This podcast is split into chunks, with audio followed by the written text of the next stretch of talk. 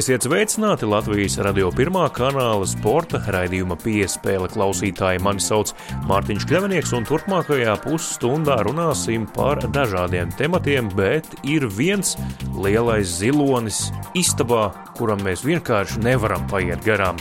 Viens no skaļākajiem darījumiem Nacionālajā basketbola asociācijā šajā sezonā - pārsteidzošs, turklāt tajā kā galvenais personāžs iesaistīts tieši Latvijas Kristaps Porziņš. Par to runāsim raidījuma otrajā daļā, bet raidījuma ievadā gan par to, kā Latvijas Olimpiskā komiteja un Sporta federācijas jau sākušas sadarbību ar jaunizveidoto Latvijas valdību, kā arī par to, kā tad Rīgas Dienāmo izmisīgi cīnās par pēdējo atlikušo brīvo vietu Gagarina kausa izcīņā, cenšoties tajā iekļūt pēc piecu gadu pārtraukuma.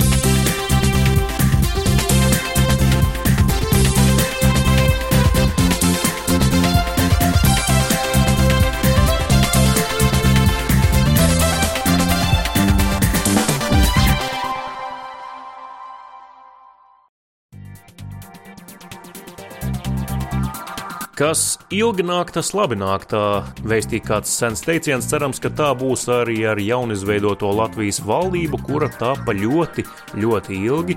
Vairāk nekā simt dienas Latvija dzīvoja bez valdības, lai gan jaunā saima jau bija uzsākusi darbu. Tagad valdība tapusi Krišjāņa Kariņa vadībā, savukārt to, kāda tad ir jaunās valdības jau tagad izveidojusies sadarbība ar Latvijas Olimpisko komiteju, pastāstīs tās prezidents Aldons Vrubļievskis.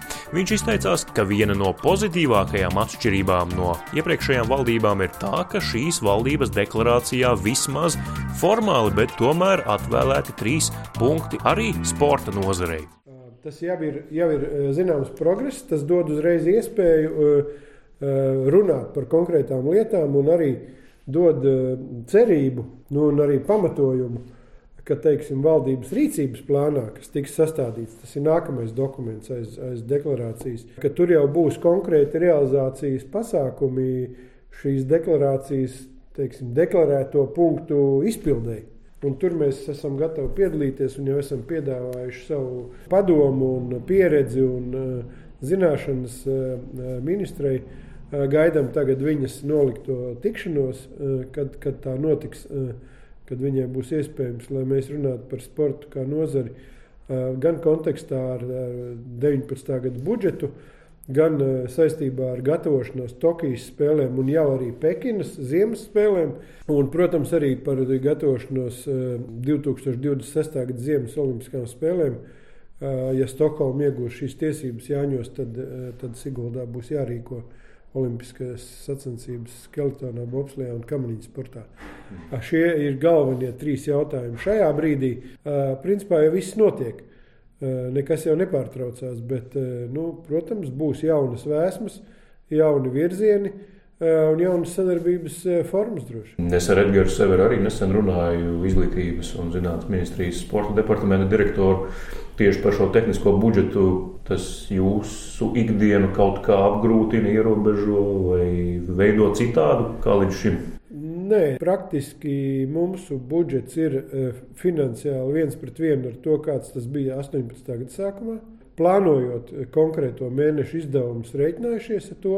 Tas jau bija faktiski zināms novembrī, ka ka janvārī, februārī, martā faktiski būs viena 12. daļa no iepriekšējā gada budžeta katru mēnesi. Nav tādu akūtu teiksim, problēmu, kuras šī budžeta dēļ būtu bijušas tur. Jāsteidzina, jāatliek vai kaut kas tamlīdzīgs. Neļauj pieņemt jaunus kaut kādus teiksim, lēmumus par jaunu programmu uzsākšanu vai, vai paplašināšanu, bet, bet esošie darbi, tekošie tiek veikti. Ja mēs tā paspekulējam un ieejam tādā utopijā, tad, ja šis būtu nevis pirms olimpiskais, bet olimpiskais gads, proti, 2020. un jums būtu jādzīvo pēc 19. gada budžeta, tad būtu kādas problēmas. Skatoties, cik liela uh, taptu olimpiskā komanda, es domāju, pavasaras spēlēm Tokijā. Uh, taču es domāju, ka, ja tāda situācija noteikti no, notiktu, tad uh, vienmēr var atrast uh, risinājumu un visi es domāju, saprastu šādu situāciju. Tā skaitā, domāju, arī valdībā saprastu komandas kvalificēšanās uz Olimpiskajām spēlēm manuprāt, var tikt uzskatīt arī par neparedzētu gadījumu un ka var paņemt papildus finanses no šīs sadaļas. Maratonā, kad tu skrieni distances laikā, ja kāds tev vēl uzmundrina un nosauc tavu vārdu, tu to dzirdi. Pirmā uzvara bija tad, kad es biju pionieru nometnē. Tas bija 66. gadā, es vinnēju bumbiņu mešanu.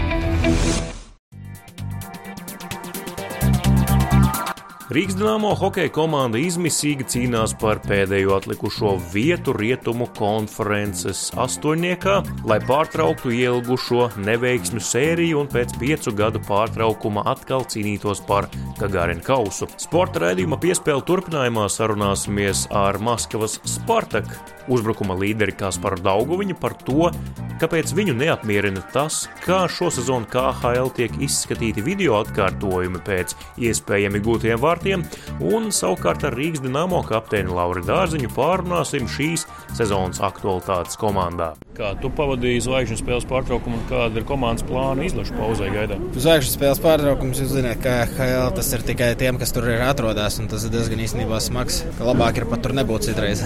Daudz atsakās, lai varētu vismaz pāris dienas bez spēlēm būt. Un, uh, izlaša pauze mēs ar Bobu runājām.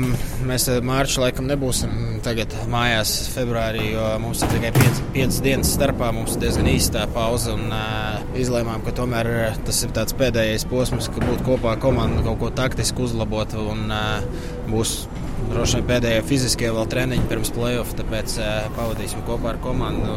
Tā bija vairāk, laikam, vismaz manā ziņā, mana iniciatīva palikt klubā un uh, nevis vienkārši patrenēties šeit. Kas, es domāju, ka būs pietiekoši daudz laiks pēc sezonas izlasē pāriet. Paši tiesneši pirms sezonas stāstīja, ka mēģina visu to izdarīt, lai būtu godīgāk un lai ātrāk viss notiktu iemetienos. Bet īstenībā tā spēle palikusi daudz lēnāka. Tā kā katrā iemetienā var teikt, ka centrs izmests ārā. Tie atkārtojumi arī notiek citreiz, kad 20 minūtes. Mums šogad bija spēle, kur bija palikušas liekas, 30, 40 sekundes līdz perioda beigām. Viņi pateica, ejiet uz ģērbtuvi un tīrīja ledu. Mēs nospēlējām otro periodu. 40 sekundes, pirmo nospēlējām 40 sekundes, apgriezāmies un spēlējām uz otru pusi. No, ja, ja nevar lēmumu pieņemt tur divās, trīs minūtēs, tas skaidrs, ka vai nu nav gols, vai nu tiesneši. Nu, es nezinu, kas notiek, vai viņi zvana kaut kur prasa, vai paši skatās. Šajā līgā tas ir interesanti. Nu, aizmugurs tas ir. Varbūt pat labi, ka viņas ir, jo nu, tiesnesim arī ir citreiz grūti noreaģēt. Tādā hokeja paliek ātrāks, bet nu, jā, vārtu laukums un aizmugurs div, divus tikai arī skatās pa lielam. Bet to vajadzētu izdarīt ātri. Halēs uzliekas kameras zilajās līnijās, un tad redzi, vai ir vai nav. Tur minūtes laikā visu var saprast. Parasti ir taču, nu, vismaz kā NHL, viņi pazvan, nu, tiesneši tur ieiet, pazvan pa telefonu, tur jau viss ir pateikts. Viņiem 30 sekundes, un viņi iznāk un saka, gols ir vai nav. Lauris Dārziņš, nu, Rīgas dīnāmo šajā sezonā ir tāda video atkārtojumu komanda. Nu, sākumā jums bija uh, par sliktu tie lēmumi, ievērojamā vairumā, tagad jau izlīdzinājies tas viss. Kas tur šosezon īsti notiek ar to video atkārtojumu, ar zvanīšanu uz Maskavu, konsultēšanos?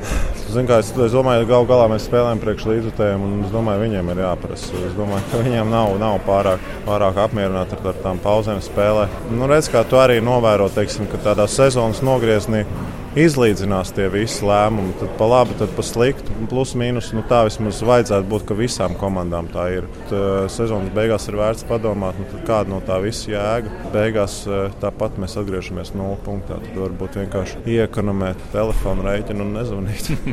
Klaulā ar to spēļu laikā tribīnas arī redzi līdzutējus, kād, kād, kādas aktivitātes viņi tur piekopja. Tu jūti atmosfēru. Šodien tur bija kaut kas īpašs tribīnēs. Tādas divas daļas turēja tavu seju, izgriezt no kartona un uh, apakšā bija uzraksts, kur viņas tev atzīstās mīlestībā. Tā kā nu, kaut kas īpašs. Jā, nē, redz, tik, tik, tik, tik sīkas, tik sīkas neievēroju.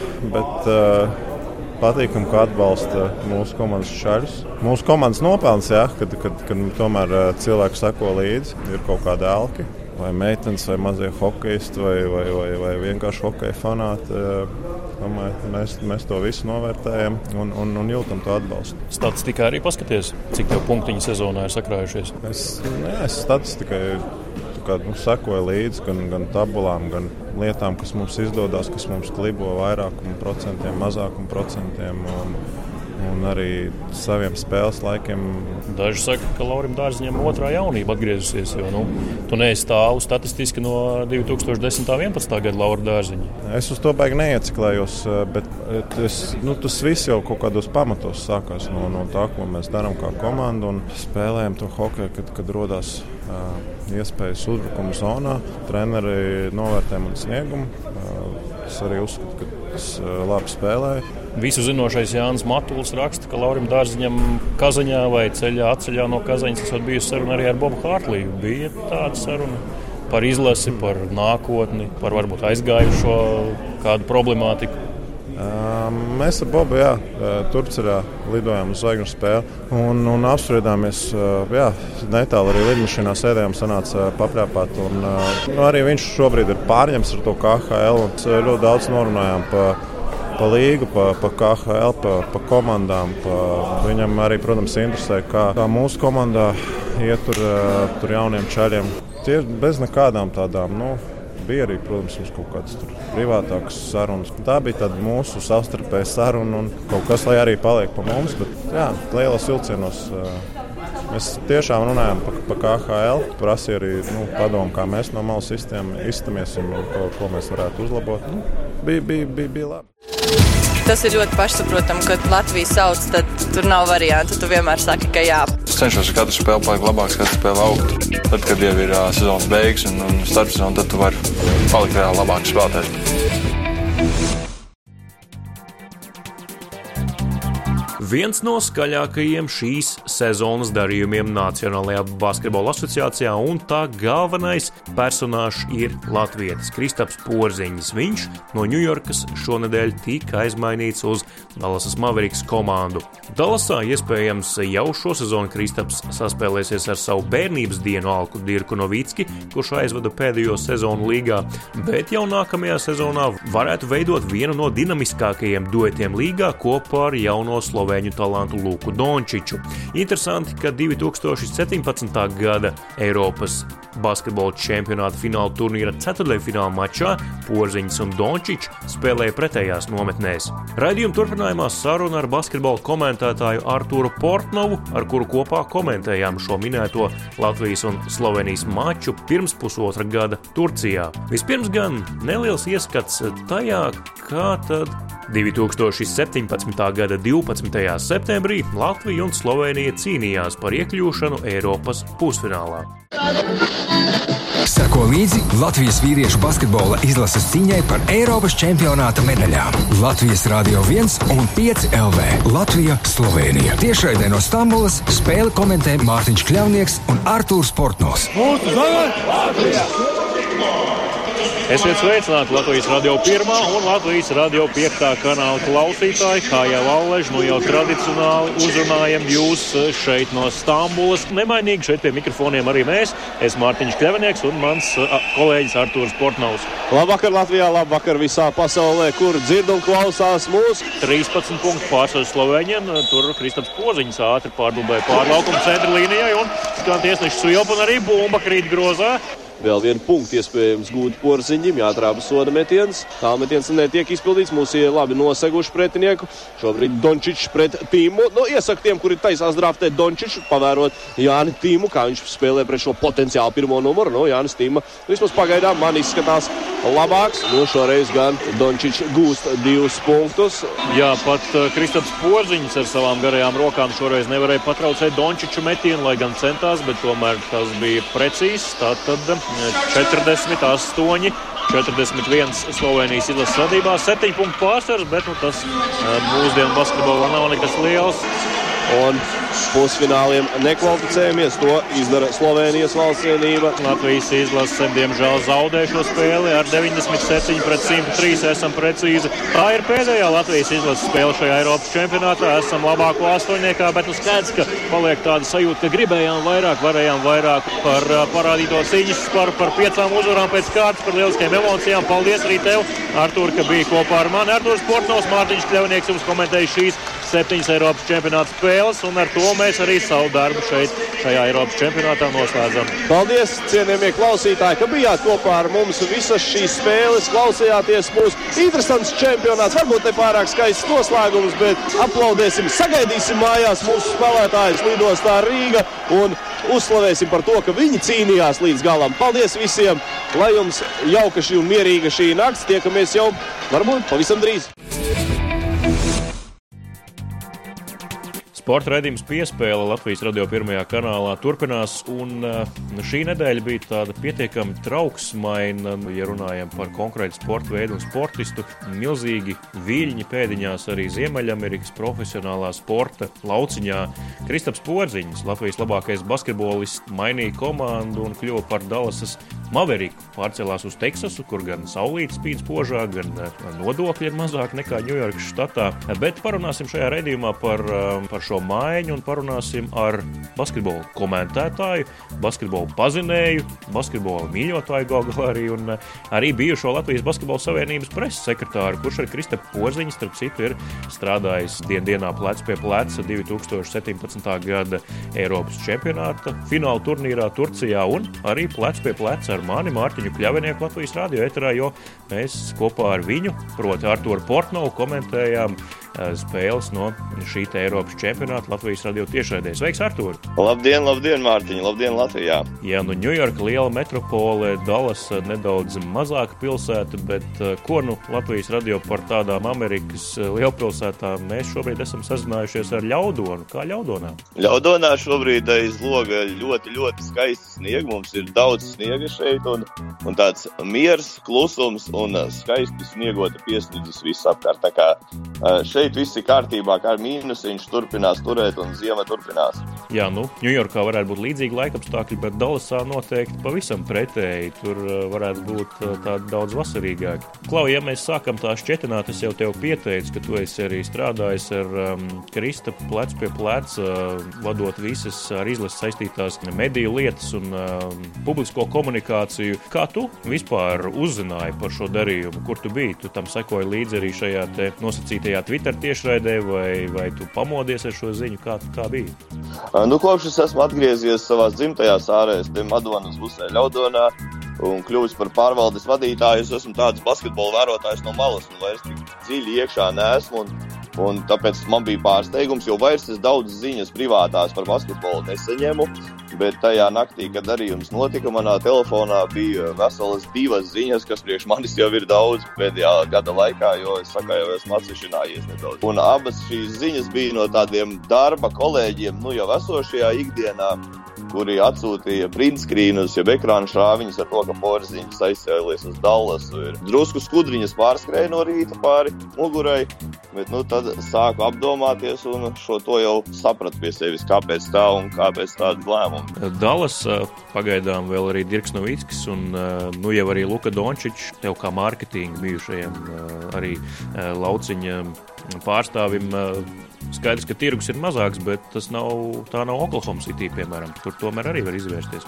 Jā, bet iedomājieties, eh, es varbūt būšu eh, tās fantāzijās aizpeldējis tālu, tālu, bet iedomājieties, eh, fināla sērija Dallas Mavericks uzvar izcīna čempionu titulu un līga izdara tādu soli, ka iedod fināla MVP diviem spēlētājiem, Luka Dončičam un Kristapam Porziņģim. Vai Eiropā, Eiropas basketbola faniem tas nebūtu tāds kārtīgs saldējs ēdiens par Eiropas tirgu runājot. Nu, es saku, es varbūt kaut kur tālu, tālu fantazēju, bet, eh, kā jau teicu, nu, ar Dirka Novicka stāstu Dallas pierādīja, ka var izcīnīt gan čempionu titulu, gan izdarīt lielas lietas, un klubs bija tāds uh, pozitīvi patīkams. Man šķiet, ka jebkuram basketbola vērotājam ir tādi, kuri patiešām nevienam nepatīk, ir tādi, par kuriem tur rīktīgi deg. Tad viņš ir tāds neitrāls, foršs, nu, tā kā tu teici, Dallasā. Tas laiciņš tāds ir labs, un, un visa tā aura ir pozitīva. Un no, mūsdienās jau cilvēkiem 21. gadsimtā ir ļoti svarīgi tas, tas emocionālais pieskāriens. Un es domāju, ka divi tādi labie puikas vienā komandā Nu, super. Kristaps ir ļoti inteliģents. Kristaps ir ļoti gudrs. Viņam apkārt ir uh, ļoti gudra ģimene. Tur viss ir sīki un smalki pārdomāts. Jo atcerieties, Mārtiņ, mēs te komentējām, kādas bija beigas spēlē Latvijas-Slovenija. Nu, es joprojām šeit, Ļaudonā dzīvodams, esmu simtprocentīgi pārliecināts, ka mums bija zelta iespējas, un mēs bijām zelta komanda, jo mēs to Sloveniju varējām mierīgi vinnēt. Bet tas stāsts, ka Dončits nu, tajā spēlē izskoloja porziņu, atceramies, kā viņš, kā viņš trāpīja tos trakos tālmetienus. Tā viņš arī met viņus arī šodien. Un kas gan var būt labāks? kā gribēt spēlēt potenciāli ļoti labā vietā ar tik ļoti labu perspektīvu spēlētāju. Es domāju, ka arī Porziņam tas viss ir ļoti svarīgi un viss ir pārdomāts. Te var arī Latvijas radio sporta raidījuma piespēļu klausītājiem atgādināt, ka tieši tā 2017. gada septembrī līdz šim Kristapa Porziņa pēdējā spēle izlasē tieši tā Latvija-Slovenija Eiropas čempionāta ceturtajā fināls Stambulā. Un, jā, mēs ar tevi Artur bijām pie mikrofoniem šo spēli komentējām. Cik tomēr dzīve ir ironiska, vai ne? Ka toreiz viņi tikās laukumā pretējās pusēs un tagad tāda ir vienā komandā. Un mums bija tā privileģija to vērot un komentēt. Jā, mums bija tas gods un par to mēs varam pateikties vienmēr visiem un visam, ka mums ir bijusi tāda iespēja, un paldies tev arī, Mārtiņ, par tādu iespēju. Bija katru cilvēku dzīvē, ko mēs satiekam, mēs satiekam kaut kādu iemeslu dēļ. Un ir jāiemācās saprast, kādēļ mēs viņu esam satikuši. Un šajā gadījumā, jā, nu, Kristaps bija slavas zenītā, un tad pēkšņi iznāk mazs puika viens un paņem apspēlē. Un tas tā drusku nosēdina. Un, ja tu šos cilvēkus, kuri tev kaut ko iemāca, māki ar viņiem saprasties, kā to ir izdarījis Kristaps ar Dončiču un kļūt par labiem draugiem, viņi viens otram vēl lielas lietas iemācīs. Tā kā es domāju, ka man, man tiešām šī ziņa par Dallas bija ļoti, ļoti patīkama. Tu strādāji tajā vasarā izlasē pildīja savus pienākumus un um, bija šis starposms starp medijiem un komandu.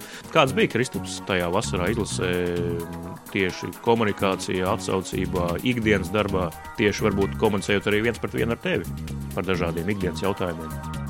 Nu, es varu pateikt par Kristapu tikai tos labākos vārdus. Un tieši tāpēc viņš ir tur, kur viņš ir. Un tieši tāpēc viņam ir tāda pārliecība, kāda viņam ir. Viņš ir ļoti pozitīvs, ļoti saprotošs un ļoti labi spēj paskatīties uz laukumu kopumā, ja arī no citu cilvēku acīm.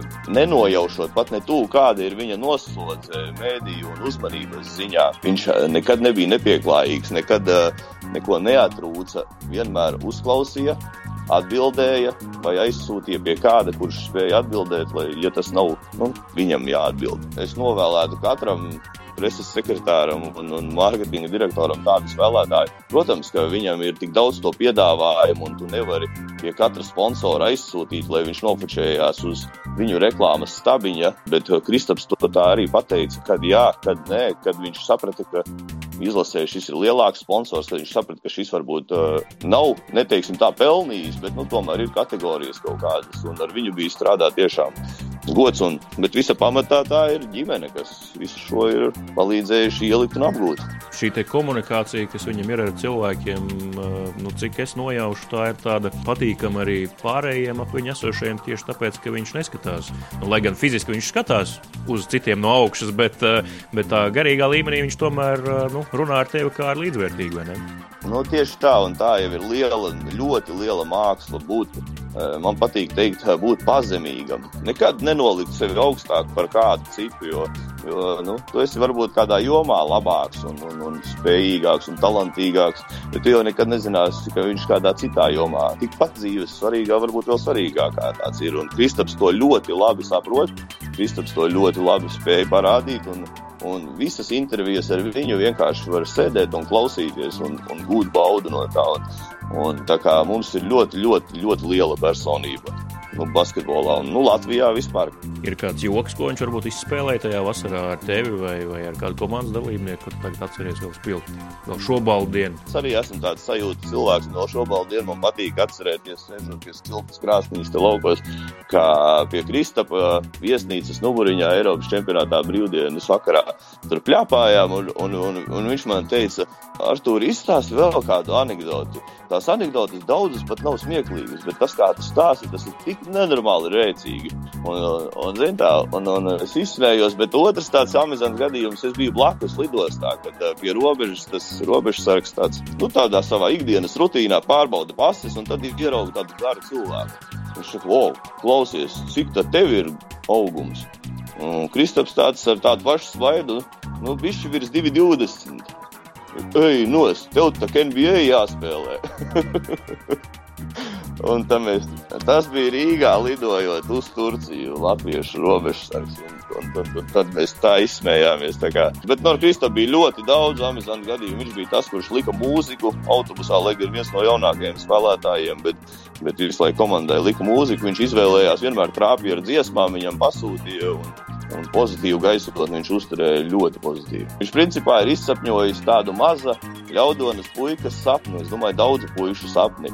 Ar maziem solīšiem trenējoties, tik draftētam, tik draftētam Ņujorkā, spēlēt, uzsākt pirmo spēli sākuma pieciniekā, visas spēles spēlēt sākuma pieciniekā. Šis stāsts, es viņam sakoju līdzi, tas bija tas kā mans bērnības sapnis. Tādēļ eh, man ir tas gods viņu vērot. Es domāju, traucēt man viņu tagad uh, no šejienes ar kaut kādiem jautājumiem vai apsveikumiem jautājumiem, vai, vai ar jebko viņam pietiek. Un es domāju, ka viņš vēl Latvijas basketbolam kopumā arī pēc savas karjeras eh, darīs eh, lielas lietas. Un, Un būs viņš tajā basketbolā. Tādēļ varbūt mēs tajā laikā atkal sastapsimies un varbūt pat sastrādāsimies. Kas zina, bet nu šobrīd lai viņam viss izdodas. Tātad uh, Dallas, Kristaps Poziņš, Luka Dončičs, uh, tavu prognoze, vai viņš Proti, Kristaps Porziņš jau šo sezonu varētu atsākt spēlēt. Kā jau es teicu, lai spriestu ir jāzina, es gribētu, lai viņš atsāk spēlēt tieši trāpu uz to brīdi, kad viņš droši to varēs darīt un viņam nekas vairs nevarēs atgadīties.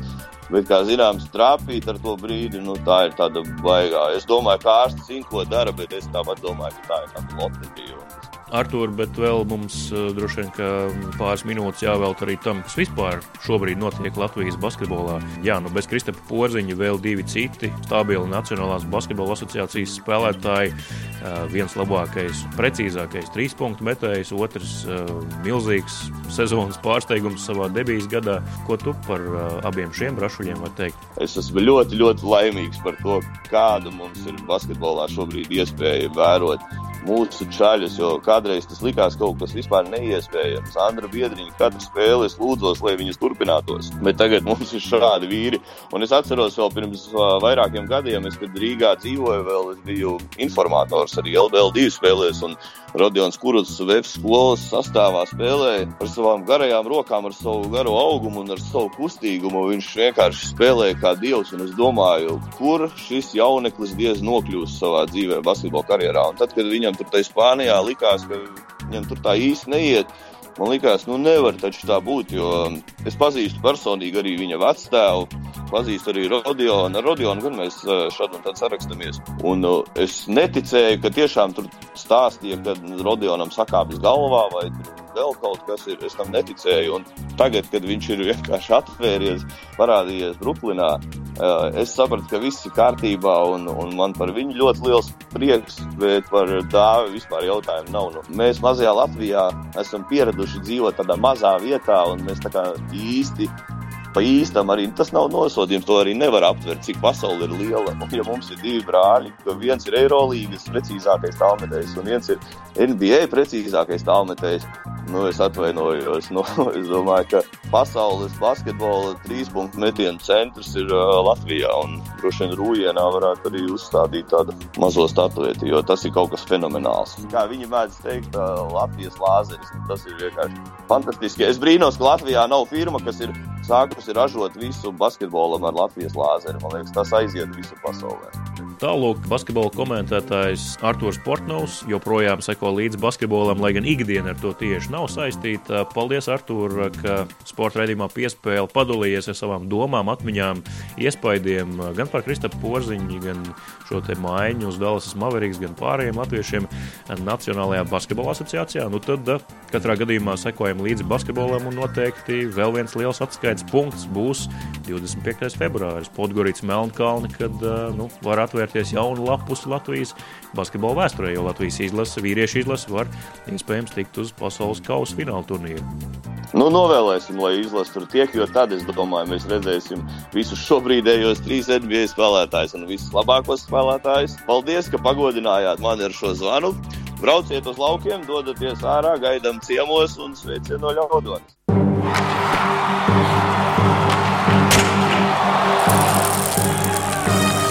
Sporta raidījums piespēle līdz ar to arī izskan. Šoreiz to veidoju un vadīju es, Mārtiņš Kļavinieks, uz sadzirdēšanos.